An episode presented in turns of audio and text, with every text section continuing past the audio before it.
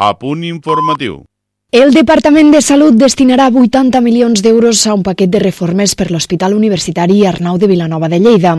La principal inversió seran els 46,3 milions per la construcció d'un nou edifici de consultes externes, les obres del qual ja s'han licitat amb la previsió d'iniciar-se de manera immediata i finalitzar el març del 2024. La segona inversió de major volum, 24,6 milions, servirà per millorar el bloc quirúrgic i ampliarà d'11 a 22 el nombre de quiròfans. Serà un canvi substancial i un gran impuls per a aquest hospital referent a les Terres de Lleida. El conseller de Salut, Manel Balcells, ha visitat aquest dissabte el terreny ubicat vora l'espai hospitalari polivalent i amb accés des de l'Avinguda Pinyana, on d'aquí un any s'espera que estigui llest el nou edifici de consultes externes de l'Hospital Universitari Arnau de Vilanova de Lleida. El nou equipament finançat amb fons europeus REACT comptarà amb 114 espais de consultes i gabinets, tres zones d'hospital de dia, espais de suport i despatxos mèdics. Tot plegat distribuït en planta baixa i quatre pisos que sumaran uns 19.000 metres quadrats amb connexió a l'edifici principal. Escoltem Manel Balcells. Són unes inversions de gran importància, d'un gran calat, per aquest any, de forma immediata i gairebé per l'any que ve, al voltant de l'Arnau de Vilanova i que suposen una inversió de més de 80 milions d'euros que significaran un, un canvi molt substancial, gairebé de mig hospital, com aquell qui diu, i un impuls gran, important, d'inversió amb equipaments, amb aquest hospital de referència terciari de les Terres de Lleida. El conjunt de reformes previstes per Salut inclouen també la millora i modernització del bloc quirúrgic, que actualment té una dotzena de quiròfans. Passarà a tenir-ne 22 amb equipaments d'última generació. El nou bloc quirúrgic.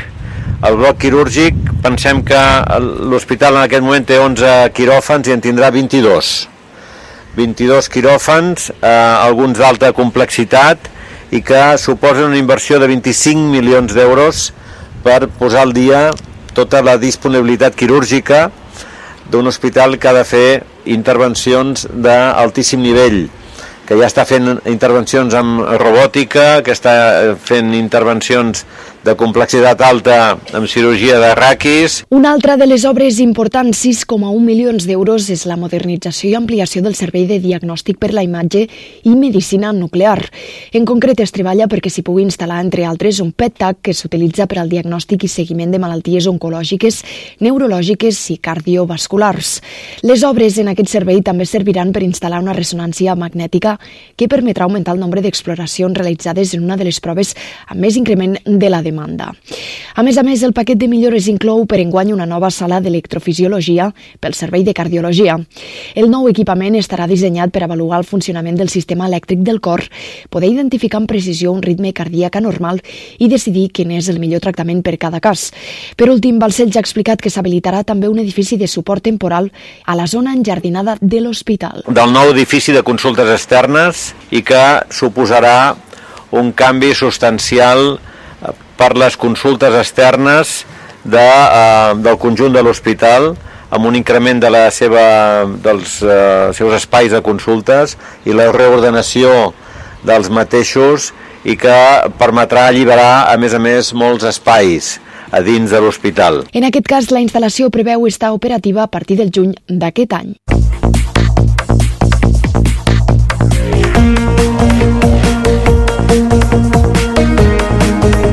Música, informació, la millor companyia. Tot ho tens a Ràdio Tàrrega.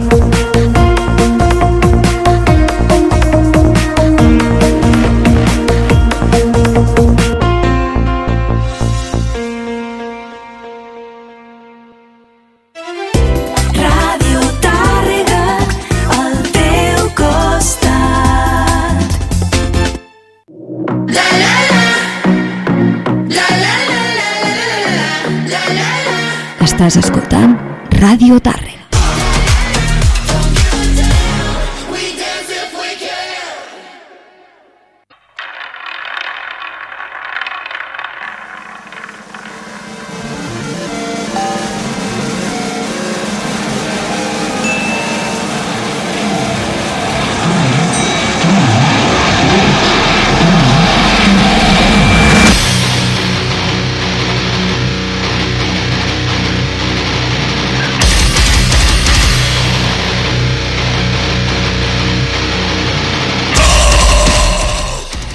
Bona nit, valents i valentes.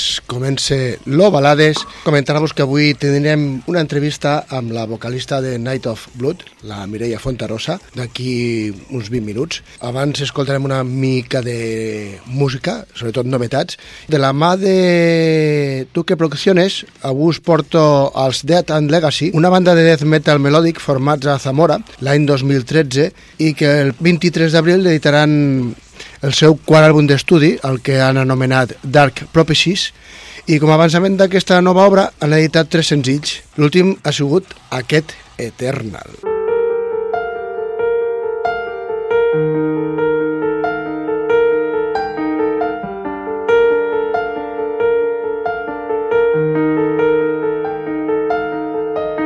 Looking for my inner self knowing you are far away.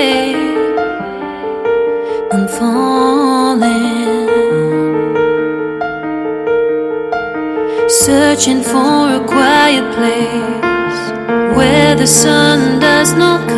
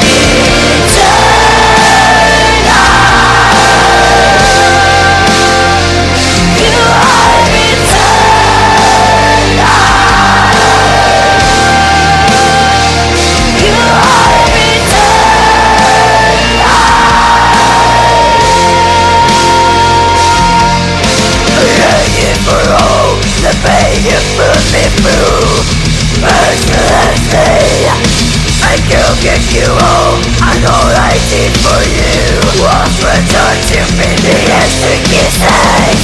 You. came and made me feel Like an animal With no to a dog Monsters and with empty dreams of free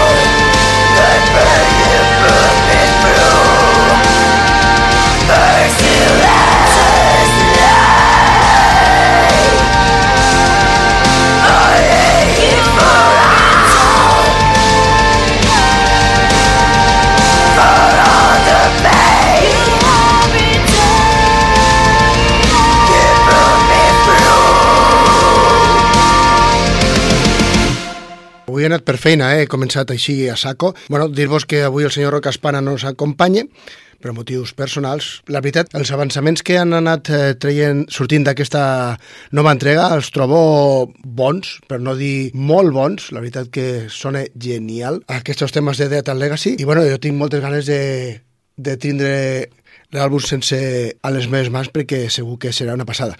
Dir-vos que amb aquest tema col·labora la Jessie Williams de, dels Anchor. I bé, pues dels Dead and Legacy, també gràcies a Duque Producciones, eh, ens ha arribat també el nou senzill dels Anchor, que portaven pues, uns 4 anys sense editar material nou i a principis d'any van estrenar el primer senzill, el Prisoner, però perquè sapigueu per on anirà l'assumpte, han editat un segon senzill, el que han anomenat Oblivion, i la veritat que la cosa promet, si no, escolteu.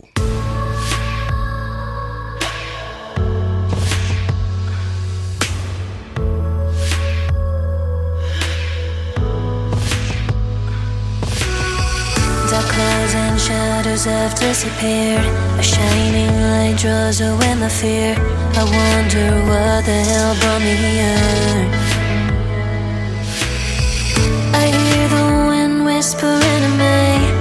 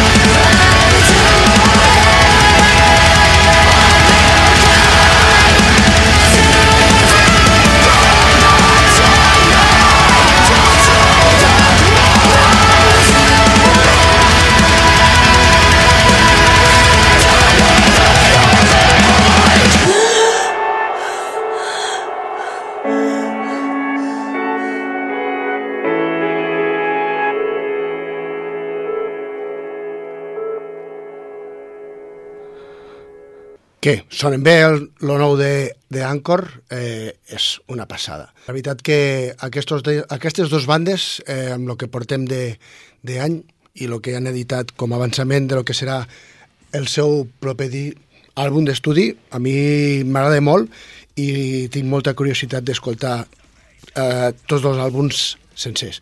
I bé, dir que estem al 92.3 a Ràdio Tàrrega, que el, el programa er, fa la remissió els diumenges a les 10 de la nit i si no podeu esperar a diumenge, pues jo, el, jo o el Jordi, el dijous pengem l'enllaç a l'Instagram, al Twitter i al Facebook perquè pugueu escoltar o descarregar el programa.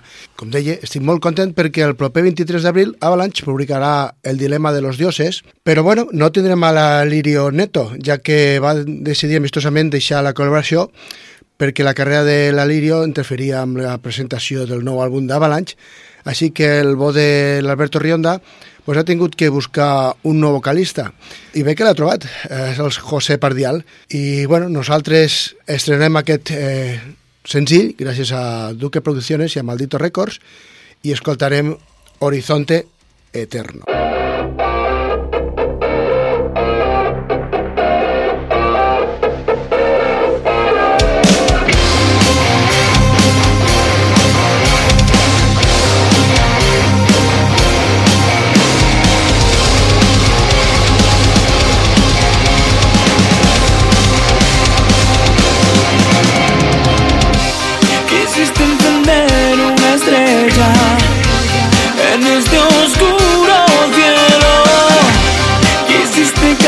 tu alma sin escuchar al viento.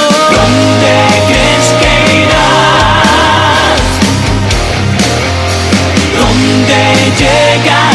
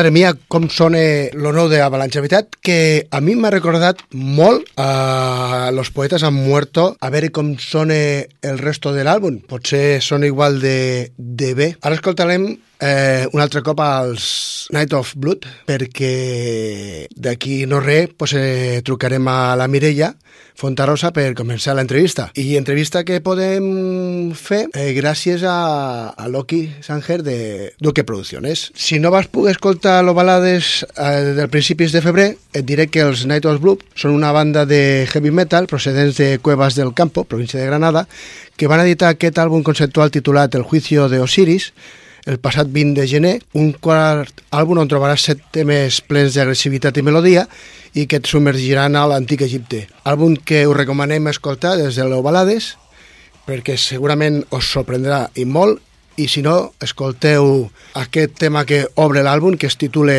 A los infiernos i tot seguit parlem amb la Mireia. Abrí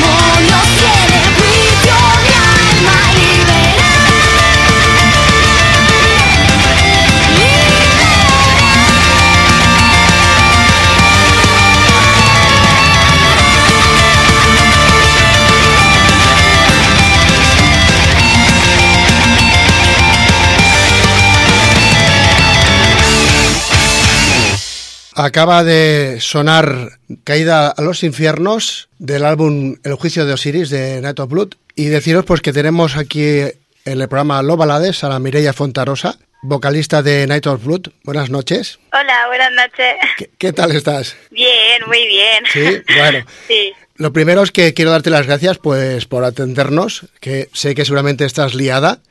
Y bienvenida pues a nuestro humilde programa Lo Balades. Antes de comenzar eh, la entrevista, quiero felicitarte por vuestro nuevo álbum, El juicio de Osiris. Eh, me ha gustado mucho. Eh, sinceramente, habéis ganado un fan más. Ojo, qué guay. La verdad que siempre es súper guay cuando nos dicen eso, que le ha gustado mucho el disco nuevo y, nada, ¿qué te voy a decir? Que estamos súper agradecidos de que los medios nos den un espacio para poder hablar un poco de nosotros y del nuevo disco, de la música, en fin, de lo que nos queráis preguntar en realidad. Bueno, tranquila, no, no te lo voy a poner muy difícil. puedes, puedes, no. En Los Balades tenemos tres preguntas clásicas que solemos hacer a los músicos que entrevistamos por primera vez. ¿Te parece si empezamos? Dale caña. Venga, va. Eh, para saber algo más de ti, ¿cuáles son tus principales influencias? Pues siempre lo digo, mis principales influencias son bastante clasicotas. Bueno. ¿Por qué? Porque, pues sí, porque es lo que me gusta y, y lo que me llena y cuando empecé a escuchar heavy, pues era lo que más me motivaba. Entonces yo te diría que Iron Maiden y Judas han sido dos grandes bandas que me han guiado muchísimo. Y luego si tuviera que decir una española, que siempre la digo, diría Saratoga. Bueno, pues anda que te, te quedas corta también. Nada, bandilla. Nah, nah, si llevan dos días. Ya ves. Muy bien, yo también coincido, ¿eh? también son de mis bandas preferidas. Saratoga también está entre mis bandas favoritas de metal nacional. ¿Qué o quién provocó que quisieras dedicarte a la música? Eh, mi guitarrista, el José. O sea, te engañó. Uh, que si me engaño y no sabes cuánto. Porque claro, pues yo lo veía ahí vestido heavy, yo yo ya cantaba, pero claro, cuando tienes 10 años, pues no sabes ni, yo qué sé, Es no que- sabes absolutamente nada. No. Y es muy difícil, porque tienes el instrumento más difícil de la banda, ¿eh? Ya ves, bastante complicada la voz, pero bueno, yo con, con 13, 14 años ya me empezó a engañar el José. Sí. Y, y yo, pues bueno, como era ignorante de la vida, pensaba que era la mejor cantante del mundo. Bueno, Y eso ha ayudado a que siga muchos años ¿eh? y que mejore como cantante y demás. Pero la clave era no tener ni puta idea de lo que estaba haciendo. Bueno, así no te asustas, ¿no? Ya ves. Bueno, me asusté después, años después. bueno, suele pasar. ya ves que si me asusté, dije, madre mía, ¿qué es eso? Bueno, pues, pero pues yo te felicito porque tienes una voz muy potente y, y la verdad que me no, no os había escuchado y me, me dejaste sorprendido, ¿eh? Jo, muchas gracias. Pero que es lo que te digo, cuando se empieza... Yo empecé cantando bastante... A ver, no me voy a echar mierda sobre mi tejado, pero No. sí, sí que cantaba bastante mal. Tenía claro que podía cantar muy bien, pero no es solo tener una bonita voz, Claro. que eso sí que la tenía, pero tenía que educarla. Y yo creo que con este disco mm, se ve bastante el progreso y la evolución. Yo diría que sí, ¿eh? porque he escuchado, he tirado para atrás para escuchar álbumes anteriores y se ve muy, muy por encima. Pues muchas gracias. Sinceramente, ¿eh? Sí, sí, no, si, si estamos hablando sinceramente, yo te estoy diciendo exactamente lo mismo. Y mira que, que me estoy jugando a mí, pero No, es no. que la realidad es así. No, no, eh, todo, todo el mundo tiene un principio y todo cuesta y todo se va mejorando. Hay quien no mejora nunca y hay quien sí mejora. Tu caso, pues ha mejorado. Pues sí, también es verdad que me he esforzado mucho. Es que, por eso te decía que tienes un instrumento muy difícil. Hmm. Eh, ¿Aún recuerdas cuál fue el primer álbum que te compraste con tus propios ahorros? Con mis propios ahorros, Sí, espérate. Déjame pensar. Porque claro, como fue José el que me empezó a meter en todo este mundillo, pues él me empezaba regalando discos. Es que yo recuerdo que me regalaba discos de Warcry, porque Ujú. cuando empecé también me gustaba mucho Warcry. Bueno, y me gustan, ¿eh? Sí, a mí O también. sea, quiero decir, vamos a ver, hoy en día ojalá que, que me dijeran, súbete a cantar con nosotros, que me puedo morir ya. Madre mía. Así que yo recuerdo que sí, que los primeros discos que tuve fue de, de Maiden, de Saratoga también, creo que fue ¿Cuál tengo? Tengo la Gotarás, que está bastante bien, que me gustaba mucho, en fin, un montón. Bueno, ¿y te acuerdas cuál ha sido el último que te has comprado? Espérate que piense. Pues es que no me lo compras, soy una desgraciada, me lo han regalado. Pues qué suerte, porque a mí no me lo regalan, me tengo que comprar Pues, yo. eh, Pues mira, me han regalado el último, uno de Hellboys Army, que se llama la banda, que es una banda de, de por allí de Madrid. Vale. Y la verdad que lo hacen muy, muy bien. Son, son gente bastante guay, que no son muy conocidos, pero que a mí me mola mucho la música que hacen. Pues los tendremos en cuenta y a ver, le echaré un oído. Muy bien. Bueno, ¿ves? Como ya hemos roto un poquito el hielo, ya... ¿eh? Ahora, ahora vamos a entrar un poco en materia. Ahora vamos a lo, a lo más serio. Sinceramente, y es verdad, no te voy a mentir, no los tenía muy controlados, ya que en los últimos años yo estoy más por eh, escuchando música extrema que heavy o power, ¿vale? Ujú. La Loki de Duque Producciones, pues me pasó vuestro nuevo álbum, le hice unas cuantas escuchas y la verdad es que, como te he dicho, me gustó. Y después la Loki me ofreció pues poderos entrevistar y la verdad que es que le dije, no, no, ni lo dudes, cuando quieras eh, ya podemos hacer entrevista. O Qué sea- guay. O sea que ahí está la anécdota, ¿eh?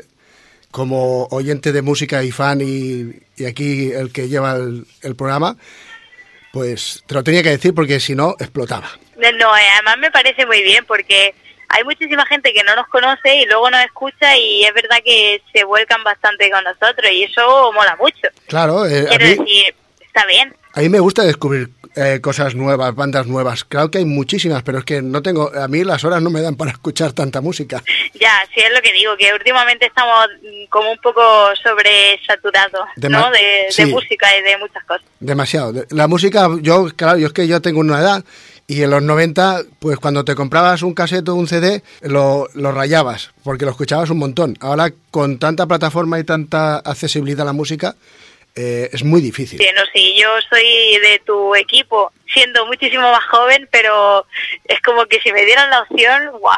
yo a veces como que quitaría tantísima, Yo- yo tantísima conexión que hay hoy en día, porque al final la música se muere, ¿eh? o sea, Sí, la sí, música es que es- es- de coger el disco y ponértelo y escucharlo, eso ya se va a morir. Sí, O sí, sea, es así, es así. No, yo, por suerte, tengo mu- muchísimos vinilos y muchísimos CD y escucho música pues en, en- en analógico, y, pero las plataformas se lo están comiendo todo. Pero bueno, ¿qué le vamos a hacer? Bueno, sí, mataremos gente y ya está. no pasa nada. Eh, ¿Cómo y cuándo nació Night of Blood? Pues mira, lo que te estaba comentando, nació cuando conocí a José y me dijo, podríamos hacer una banda. Y yo tenía como unos 14 años y dije, "¿Por- ¿por qué no? Pues si yo soy la mejor cantante del mundo. Pues ya está. Y entonces pues nos juntamos así con un grupo de amigos que querían tocar, pues como yo que sé, como todas las bandas. Y, y nada, y empezamos a quedar, empezamos a ensayar, nos gustó, empezamos a componer temas, pero no sé, super, ultra, mega heavy, de estos que dice, es que me acuerdo que hicimos un tema de un de, de las motos, ¿sabes? O sea, Sí. aquí hay más heavy que hablar de las motos. Pues nosotros, Por la ahí, moto. ya ves. Bueno, pero está bien. Sí, bueno, empezamos, fue una bonita experiencia recordar. Claro. Siempre te puedes reír después diciendo, pues mira, empezamos así, pero bueno, eh, todo... O llorar. No, llorar si la cosa fuera mal, pero visto lo visto, después de, de los años y un cuarto álbum, la verdad que bien. Sí, la verdad que no nos podemos quejar, ¿eh? Queda- Viendo el, el avance y cómo ha evolucionado nuestra música, yo estoy muy contento. Eh, que, ¿Cómo definiríais el estilo de vuestro sonido?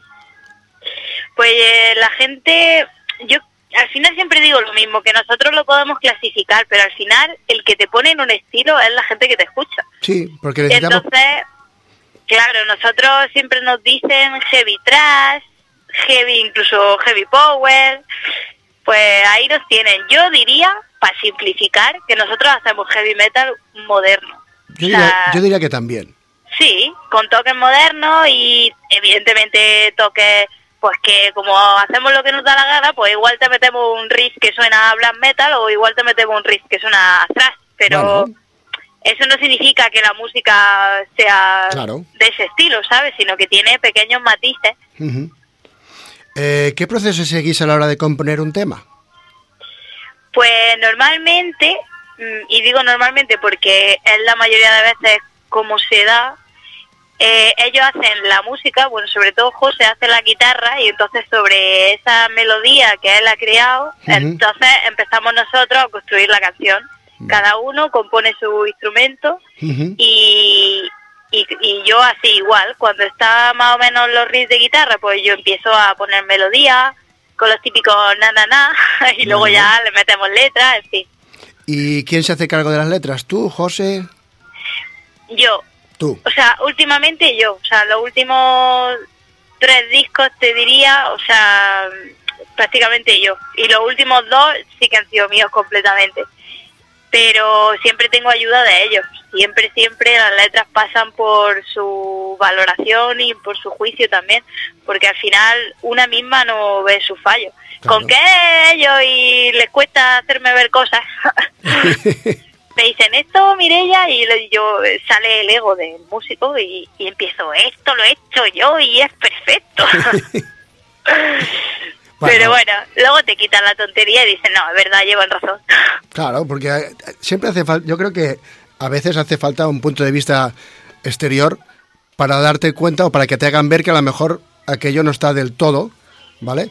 Que hay algunas bandas, creo yo, que solo hay una persona la que es la que compone, ¿vale?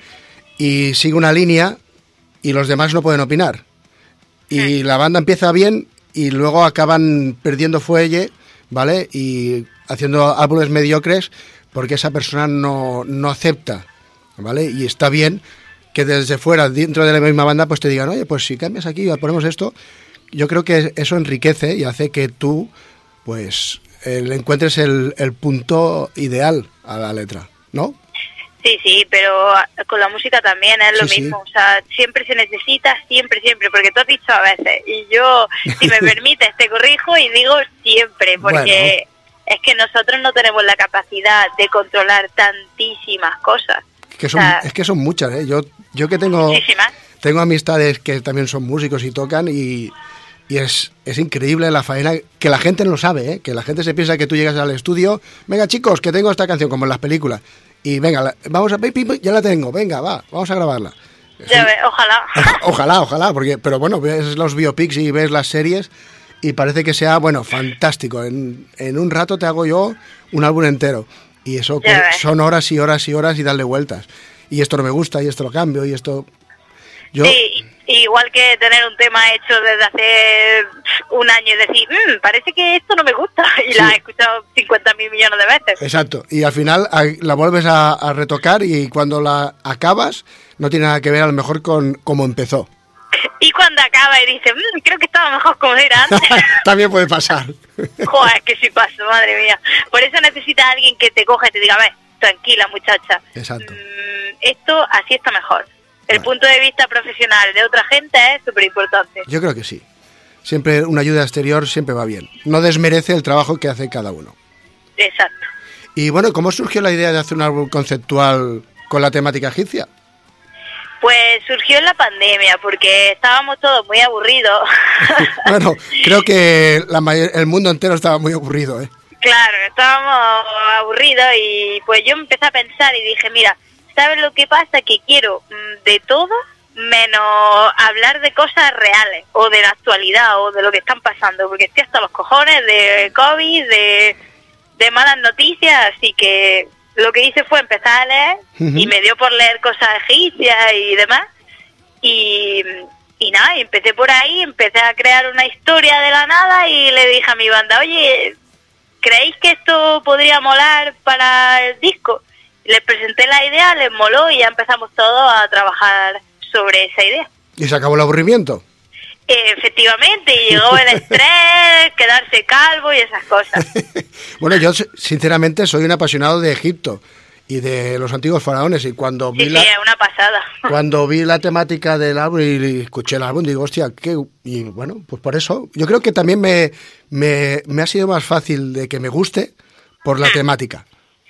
Jo, pues eso me alegra un montón, porque teníamos un montón de dudas. Mm, Pero de verdad, sí, porque íbamos a dar un giro bastante drástico a lo que solíamos hacer, porque de repente nos íbamos a meter en una temática que, que era literalmente disfrazarnos prácticamente. O sea, meternos en el papel de gente egipcia y con creencias bastante alejadas de lo nuestro. Así que, pero yo dije, bueno, pues no se mete la gente a ver Sí. cuentos, pues que escuchen esto. No, no, pero es verdad, hay muchas bandas en el mundo.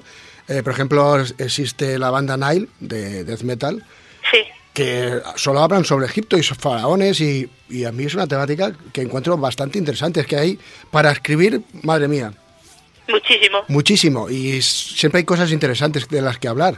Y un álbum conceptual, pues de vez en cuando también, es- también gusta, porque como tú dices, también estamos cansados de lo del día a día, de lo de siempre. Claro, yo por lo menos últimamente llevo un tiempo que antes no, cuando era más pequeña, iba a decir más joven, pero sigo siendo joven. pero cuando era más pequeña era como que tenía más ganas de reivindicar, de cosas Sí. así, de, de quejarme. Y van pasando los años y me da la sensación de que cada vez tengo más ganas de todo lo contrario, ¿sabes? De meterme a escuchar música y que precisamente sea la música la que me lleve A otro sitio. a, a desconectar, a otro lugar, a, a vaciar mi cabeza de tantos pensamientos de realidad. Yo creo- Así que Yo creo que sí. Que, y por eso están las nuevas generaciones que van subiendo, que ya harán canciones para quejarse de todo lo mal que está todo. efectivamente, sí, esto es... Es una rueda. Es una rueda, sí, sí, no sí. Yo volveré a, a querer cagarme en los muertos de todo el mundo, pero, pero poco a poco. Bueno, pues bueno, eh, te iba a comentar también que, bueno, como he hecho los deberes y había repasado vuestros anteriores trabajos, eh, y sin desmereceros ninguno, y te lo vuelvo a decir, y aunque sea pesado, este es el que más me ha gustado. He notado una evolución bastante grande en vuestro sonido y, y como no, en tu forma de afrontar los temas vocalmente. ¿Cómo lo veis vosotros? Pues, ¿para qué te voy a quitar yo razón? si llevas razón, si es que es así, o sea, muchísima gente a lo mejor piensa, escucha esta, vaya, vaya tía prepotente, pero es que es verdad. O sea, quiero decir, es que ha habido una mejora que nos la hemos currado, que no ha venido sola, que esto no es cuestión de suerte, no, eso es cuestión de ponernos y trabajar y trabajar y trabajar y al final ser críticos con nosotros mismos. Y yo soy bastante crítica con mi voz y créeme que yo mm, critico mi voz hasta el anterior disco, ¿eh? Sí, no, pero te voy a decir es una que, cosa. sí. Es que no hay nadie más crítico que uno, uno mismo. Son, Claro. son muy malos. Nos criticamos, o sea, nos dejamos siempre muy mal. Aunque, Claro. la- aunque lo hagamos bien. Siempre buscamos el límite. Pues yo tengo, o sea, mm, normalmente me critico bastante, pero en este último disco me doy un beso en la frente. Pues date- da- dátelo porque te lo mereces. Porque la verdad que creo que lo he hecho muy bien. y lo hemos hecho todo muy bien. Y ha salido un discazo con temazo y, y al que le gusta el heavy metal le va a gustar y ya está. Exacto, y punto, y se acabó. Y punto. Eh, ¿Qué os han comentado los fans? Pues justamente lo que me estás diciendo, que posiblemente sea uno de nuestros mejores discos, que les ha gustado mucho la temática, que hemos mejorado mucho como banda, que también en la voz me lo han dicho muchas veces. Así que los fans, no, no sé, están reaccionando bastante bien. Vale. ¿Y la acogida del álbum? Igual, Igual, los igual. medios súper bien, las críticas súper bien. O sea, te diría que es el álbum que mejor acogida está teniendo. Y la gente se lo escucha de principio a fin, que eso ya es un mundo. No, no, y aparte, bueno, yo ya te digo, cuando se me, se me se acabé, volví a empezar. Sí, es Porque- que es como que es cortito, entonces... Exacto. Y como últimamente muchos álbumes de heavy metal son, o de metal, son hiper largos y duran 60 minutos que se hacen eternos a veces, Ya. Pues escuchar algo fresco y que va al grano y tienes siete temas, que los siete temas son redondos, ¿para qué poner más de relleno? ¿Para qué? Para, para hacer más gasto en el estudio. Ya, no, esos son, yo qué sé, yo creo que eso a lo mejor lo podía hacer antes una banda eh, y meterse a estudio y meterte 15 temas, porque en los 80 las cosas funcionaban así. Sí, Pero ho- hoy en día, ¿quién se va a meter a un estudio a grabar 15 temas? ¿Y quién va a escuchar esos 15 temas? Y Es que es u- eso. últimamente no tenemos tiempo ni, ni, ni de respirar, vamos por la vida como, como burros. sí, sin aire. Claro. Y. Entonces, ¿para qué? Eh, Granada es una provincia de bandas como Absalón, Azrael, eh, Orazulú, Saidín o vosotros mismos. Eh, ¿Fueron muy duros vuestros inicios? Pues mm, duro, no sé qué responderte, porque duros, duros no fueron. Fueron como cualquier otra banda. Yo creo que al final mm, la música cuesta mucho, es un trabajo diario mm, de trabajar, trabajar, trabajar y que posiblemente no salgan los resultados que tú quieres. Sí. Así que yo creo que excesivamente duro no, lo normal. ¿Y tuvisteis que moveros eh, lejos de la provincia para que os- la gente os conociera más? ¿O simplemente ya en la provincia existe un circuito de bandas de metal. Eh, no, eh, funciona mejor si empiezas a tocar fuera. Si sales Sí. fuera, la gente, desgraciadamente, pero es que así, Sí, no. la gente ve que sale fuera y dice, oh, la Uy. banda está saliendo fuera. Y entonces empiezan lo ¿y esta gente? ¿Esta gente?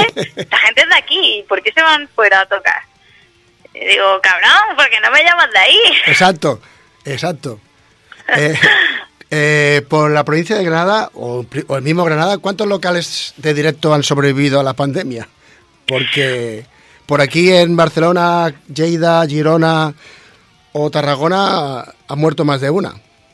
Hombre, aquí es- han aguantado a duras penas. Han cerrado muchos, pero bueno, no nos vamos a quejar. Hay lugares en los que también Barcelona es mucho más grande, ¿sabes? Sí, eso sí. Entonces, pues, por proporción, pues cierran más. Pero que aquí también ha golpeado duro. Bueno, eh, mira, tengo que confesarte una cosa. Y, Confiesa. y me hace mucha gracia, ¿vale? Porque estoy hablando contigo y yo tengo una fuerte conexión con Granada desde hace unos 26 años, Ajá. porque mis suegros son de la provincia. Adiós, el ¡Hala! amor. Toma. Amores del sur. Bueno, mi padre, mi padre es naci- de nacimiento es cordobés y mi madre malagueña, Toma ahí. o sea que la mezcla está ahí. Y bueno, yo nací aquí. Y la- bueno, mis suegros residen en, un, residen en un pueblo, no sé si te sonará, al lado de Guadix, que se llama El Marchal. Ah, pues sí que me suena, sí. Y bueno, tengo a mi hija mayor, que está estudiando en la UGR, y este Ajá. es su segundo año. Ah, qué guay. Y cuando me llegó, me llegasteis y me dice, y vi de dónde erais y tal, y me dice, no, si entrevistarás a... Mire, y digo, hostia, hostia, hostia. ¿Sabes aquello que dices? Madre mía, no puede ser. Es, Coincidencia. y bueno, pues súper contento de poder hablar contigo. Y bueno, y quién sabe si uno de estos veranos o estas veces que via- viaje a Granada, pues puedo veros en directo. Hombre, claro, por supuesto, cuenta con ello. Y si no, pues mira, eh, quedamos y tomamos una cerveza. Y la- Hombre, eso también. Nos vamos al Rainbow de Granada. Ahí está. ¿Por qué no? No he ido nunca, ¿ves? Mi hija no, le, no le va, pues, no le- mi hija no le va al rollo, tanto como a mí, Sí. y no me lleva. Pues, pues bueno, da igual, ya te llevo yo, tú tranquilo. bueno, pues mira, ya lo tengo en cuenta. Y ¿por qué no? Quedar para tomar y hablar. Y si puedo veros, mejor que mejor. ya ves, ya lo hacemos todo de golpe. Claro. Nos tomamos una cerveza, tocáis y yo me voy feliz para casa, pero bueno, no lo sabes tú. Eh, ¿Cómo veis el, bueno, cómo ves el panorama metálico en nuestro país? Malamente. Sí, ¿verdad? A ver, aquí podría decirte muchas cosas, pero yo soy bastante sincera, sobre todo en esta última entrevista, porque he descubierto que ¿para qué? ¿Para qué vamos a adornar las cosas, no? Y la realidad es que el metal está fatal, o sea, y en España va muy mal, porque se guía por cosas que para mi punto de vista no debería guiarse. Es decir, el metal se ha convertido como una especie de sálvame, ¿sabes? Sí. En el que uno están aliados con otro, este se lía con aquella y entonces esta banda toca en ese sitio porque conoce a no sé quién. Y claro, eso Sí. para una banda que realmente pasa absolutamente de todos esos rollos, que, que somos, yo nos meto ahí. O sea, nosotros pasamos de polémicas raras, de me llevo bien con, e- que nos, nos llevamos bien con todo el mundo, ¿sabes? Pero Sí, que pero- no vamos a, a rogar tampoco nada, que nosotros trabajamos muy duro por la música que hacemos, confiamos en nuestra música y esperamos, tenemos fe de que nuestra música sea la que nos lleve a tocar a los sitios. Y no el que me junto con uno, en fin, ya sabes. Sí, sí, sí. eh, eh, bueno, estuve trabajando unos años en una empresa de sonido muy potente en Barcelona y sé los mamoneos que hay. Es que a mí me da, sinceramente, me da mucho asco. Porque es como manchar la música, tío.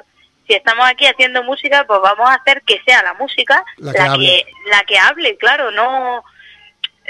A Sí. ver, yo entiendo que el dinero mm, es importante, entiendo que sin dinero es difícil mm, muchas cosas, pero si tú empiezas a encajonar a las bandas por sus contactos, al final hay bandas pequeñas que merecen la pena y no, y no las dejas subir. No, y eso, es- y eso es real. Y aparte, pienso yo que los, los miles de festivales que se están haciendo por la península, eh, creo que matan al, al concierto del fin de semana o entre semana de gira, ¿vale? Porque sí que va mucha Sí, gente sí. a un festival de dos días, pero luego el resto del año, ¿qué? Exactamente. Y si ese festival grande no quiere bandas que más pequeñas y no les da la oportunidad porque no tienen los contactos, porque 20.000 cosas más, porque no le interesa, Exacto. porque, en fin, mm, por X o por B, ¿sabes? Pero Sí. que no es por la música. Exacto, no, es, es por... Sí, yo, yo ya te, yo te entiendo y, es- y tienes razón. Es, es algo que no, no tendría que ser. Porque el festival son tres días y el resto del año, ¿qué hacemos? Los 362 días que quedan, eh, ¿qué hacen las bandas? ¿Se mueren de asco? Claro, y que hay bandas que no les hace falta un festival, ¿sabes? No, hay bandas nada. que funcionan solas, entonces deja de llevar esa banda, que tampoco es que me quiera poner yo aquí hater, No, ¿sabes? pero es que hay- hay es bandas- cierto, deja de llevar esa banda, cojones, porque esa banda funciona bastante bien sola eh, y ve intercalando, ve metiendo otras bandas que no conoce la gente, ¿sabes? Obliga a la gente un poco A a, que- consumir exacto. música nueva. Exacto. Porque el día que las que la, estas estos dinosaurios que no dejan de repetir cada año en, en los festivales de verano, cuando no estén, ¿Qué? Claro, cuando no estén, que cuando se hacemos? mueran, sí, ¿qué hacemos? Cuando no existan. Claro, porque la gente dice, no hay relevo. Una claro. polla, sí hay relevo, pero es que no me dan la mano. Exacto, ese es el problema, creo yo. Real. claro. Y bueno, hablando de hacerse ver, eh, ¿qué tenéis preparado para presentar el álbum? ¿Tenéis gira de presentación? Pues sí, estamos intentando, como te digo, sacar fechas. Bueno, nuestra agencia de management, que la verdad que Duque se porta con nosotros súper bien y, y lo están intentando ahí por todos los medios. Y nos han buscado ciertos conciertos bastante interesantes y estamos, bueno, hace unos días anunciamos que tocábamos aquí en Granada con Del Alma y ¿De la- estamos con Del Alma? contentos. Sí, Madre mía, pedazo de banda también se ha juntado. sí, de verdad, ¿eh? Vaya artista. Madre mía, un, un banco, un, un, un mudo. Madre mía. ¿Y cuándo es ese concierto? Que es que no... Bueno, lo he visto, pero no lo tengo... Es, ¿No es en junio? Mm, Sí, pero soy malísima con las fechas y confundo junio y julio, no sé por qué, de toda la vida. Creo que lo vi en Es junio. junio. Creo que es en junio, porque me parece que dije, mierda, no puedo ir. Pues sí, tocamos en Granada y después tenemos varias cosas que ya iremos anunciando. O sea, hay cosillas. Pues a ver, a ver si a una de ellas me puedo acercar y disfrutar de vuestra música. Muy bien. Eh, ¿Qué le dirías a alguien que no se ha visto nunca sobre el escenario para que asista a uno de vuestros conciertos? Pues que se lo va a pasar genial. Literalmente, que si le gusta la música y quiere un concierto en el que se lo pase bien y naturalidad, porque es que no te puedo ofrecer otra cosa, ¿sabes? No te voy a decir, no, va a ser espectacular, no, porque somos una banda pobre. Y como banda pobre, pues tenemos mucha gracia del sur, pero poco más. o sea, ofrecemos nuestra música y pasar un rato guay con nosotros, que la gente se divierta y que se sienta encima del escenario con nosotros. Bueno, eso, eso es muy importante, ¿eh? Porque si, Bueno, va- yo creo que sí. si vas a un concierto y los que tienes encima del escenario se comunican menos que... ¿Que una patata? Sí, eh, por mucho que canten los, su- los temas que te gustan, cuando acabe el concierto dirás, vaya asco de grupo. Es Claro. así, es así. Si no hay, hay comunicación entre el público y, y el escenario, eh, no llegarán muy lejos. Pues bueno, Mireia, eh, no sé qué pasa en el programa que, que siempre se me acaba el tiempo, y más cuando estoy tan bien con, con el músico hablando, porque a mí me encanta, me encanta hablar y sobre todo con, con vosotros, porque me enriquece y me agrada. Pues ya nos hemos quedado casi sin tiempo. Quiero agradecerte que, me que nos hayas prestado parte de tu tiempo, desearos muchísima suerte y también quiero que sepáis que este programa está para lo que necesitéis. Jo, pues nada que decirte, que muchísimas gracias, que ha sido súper agradable y natural y que, no sé, que aquí estamos para lo que queráis. Y bueno, y si algún día nos llegamos a conocer, nos tomaremos una cerveza, pagaré yo, ¿vale? Ya te invito yo. Hostia. vale, vale. Y bueno, ¿y qué te parece si para finalizar la entrevista y el programa de hoy me escoges un tema del juicio de Osiris y lo presentas tú misma? Pues me parece estupendo. Yo te voy a decir que ponga eh, Luna de Sangre, porque me gusta mucho, es súper potente, en directo me lo paso genial y encima vocalmente me divertí muchísimo en el estudio. Pues Mireia, lo dicho, encantado de hablar contigo. dale un fuerte abrazo a la banda y diles pues que habéis hecho, bueno, que yo he dicho, si sirve de algo, que han hecho un gran trabajo, aunque yo ya sé que vosotros lo, lo sabéis, ¿vale? Y que mucha suerte, de verdad. Muchísimas gracias, en serio. Pues bueno, os dejamos con Luna de Sangre. Nos vemos, Mireia, un fuerte abrazo. Un besito.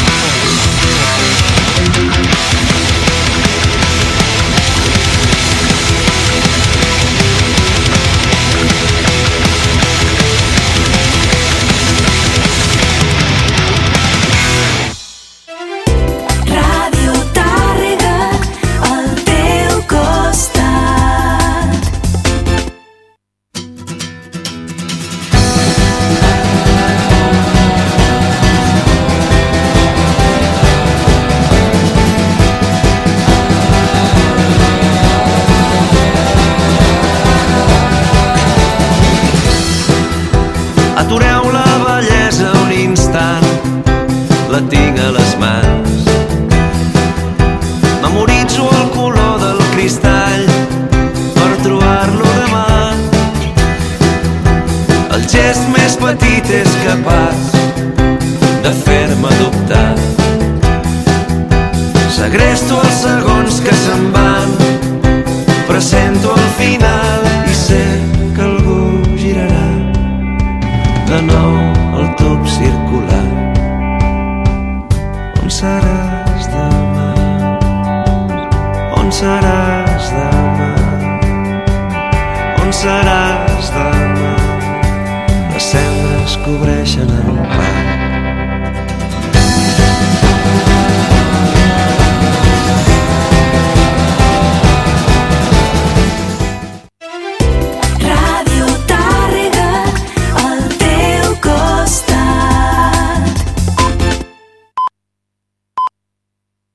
punt informatiu. Els caçadors de Ponent demanen més facilitats a Acció Climàtica per fer front a la plaga de conills. Assenyalen que no s'han explorat totes les possibilitats que ofereix la caça per solucionar aquesta problemàtica. Ens porta la crònica Míriam García des de UAU Lleida Ràdio. El decret d'emergència cinegètica del Departament d'Acció Climàtica per fer front a la sobrepoblació de conills estableix mesures i obligacions pels caçadors que el sector considera que són poc flexibles. Ho deia el president de la Federació de Caça de Catalunya Lleida, Jaume Teixidor, als micròfons d'UAU, on assenyalava que el problema és la base de no tenir una llei de caça a Catalunya. Si en canvi l'Aragó, que en tenen, moltes coses que nosaltres demanem i d'això no en podem sortir doncs, perquè aquí no, no estan autoritzades. Hosti, doncs que facin una ordenança, que facin una ocasió, però autoritzar coses que ajudarien moltíssim a baixar el nivell, però que aquí no ens ho autoritzen. Una altra de les reivindicacions dels caçadors és l'ajuda econòmica. Segons el president de la federació, estan destinant diners i temps del seu hobby per assolir les fites de captura que estableix el document d'acció climàtica i caldrien més facilitats en aquest sentit. Bueno, sí, vosaltres caceu, vale, nosaltres tenim d'acord, cacem tot el que podem, ens costa una fortuna, pràcticament ja quasi només podem anar a caçar els jubilats, perquè clar, els altres caçadors han de treballar, els jubilats, però bueno, que, que perdem algun rato més que, que els altres, però això entre municions, desplaçaments, val una fortuna. Els caçadors de Ponent es reuniran amb el Departament d'Acció Climàtica per tractar les mesures i obligacions que estableix aquesta declaració d'emergència cinegètica.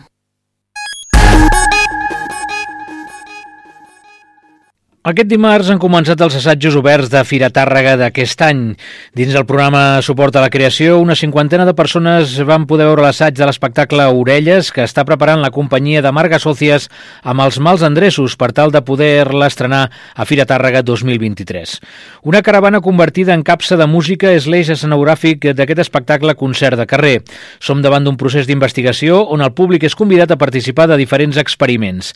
Amb ironia i molt d'humor, la peça es transforma en un joc que, que ens fa reflexionar sobre com escoltem i sobre com volem ser escoltats. Escoltem Marga Sòcies. Uh, avui veurem el primer assaig obert d'Orelles. Orelles és el nostre projecte que hem estat ara fent una residència aquí a Cal Trepat, bueno, no, a Cal Trepat i aquí a l'Espai Guixanet, els dos llocs, Eh, hem estat treballant doncs, la dramatúrgia, una mica l'espai escènic, hem començat a enfilar el vestuari bueno, i sobretot la música, perquè és un espectacle amb música, sobre el so, sobre les cançons i sobretot sobre com escoltar i sobre com ens escoltem. I ara provarem a veure si, si, si funciona aquestes noves maneres d'escoltar que proposem. Marga Sòcies i els músics dels Mals Endreços col·laboren des de l'any 2018 creant espectacles participatius i que conviden a pensar. En aquesta ocasió els ha dirigit Jordi Duran, exdirector artístic de Fira Tàrrega. Escoltem Duran. Quan em va venir a buscar la Marga perquè li donés un cop de mà amb aquesta peça, que ja, ja estava com bastant cuita, bueno, em va fer il·lusió doble il·lusió, perquè clar, això s'havia d'estrenar aquí Targa. Primer, oportunitat per córrer amb ella, que és una tia que a nivell imaginari, món, soc superfan, fa molts anys que la conec i que l'admiro i que dius, hòstia, un, honor córrer amb ella, però sobretot el que em fa més il·lusió és poder estrenar-la aquí a la Fira, clar, és preciós. El proper 22 de març es podrà veure l'assaig obert de la companyia Pagans amb l'espectacle El valor de res i el dia 30 també hi haurà assaig amb la companyia de circ Eia amb la pedra de fusta. 12 companyies formen part del programa de suport a la creació de Fira Tàrrega 2023 que se celebrarà, recordem, del 7 al 10 de setembre.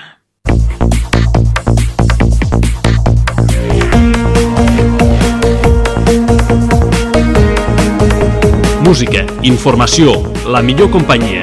Tot ho tens a Ràdio Tàrrega.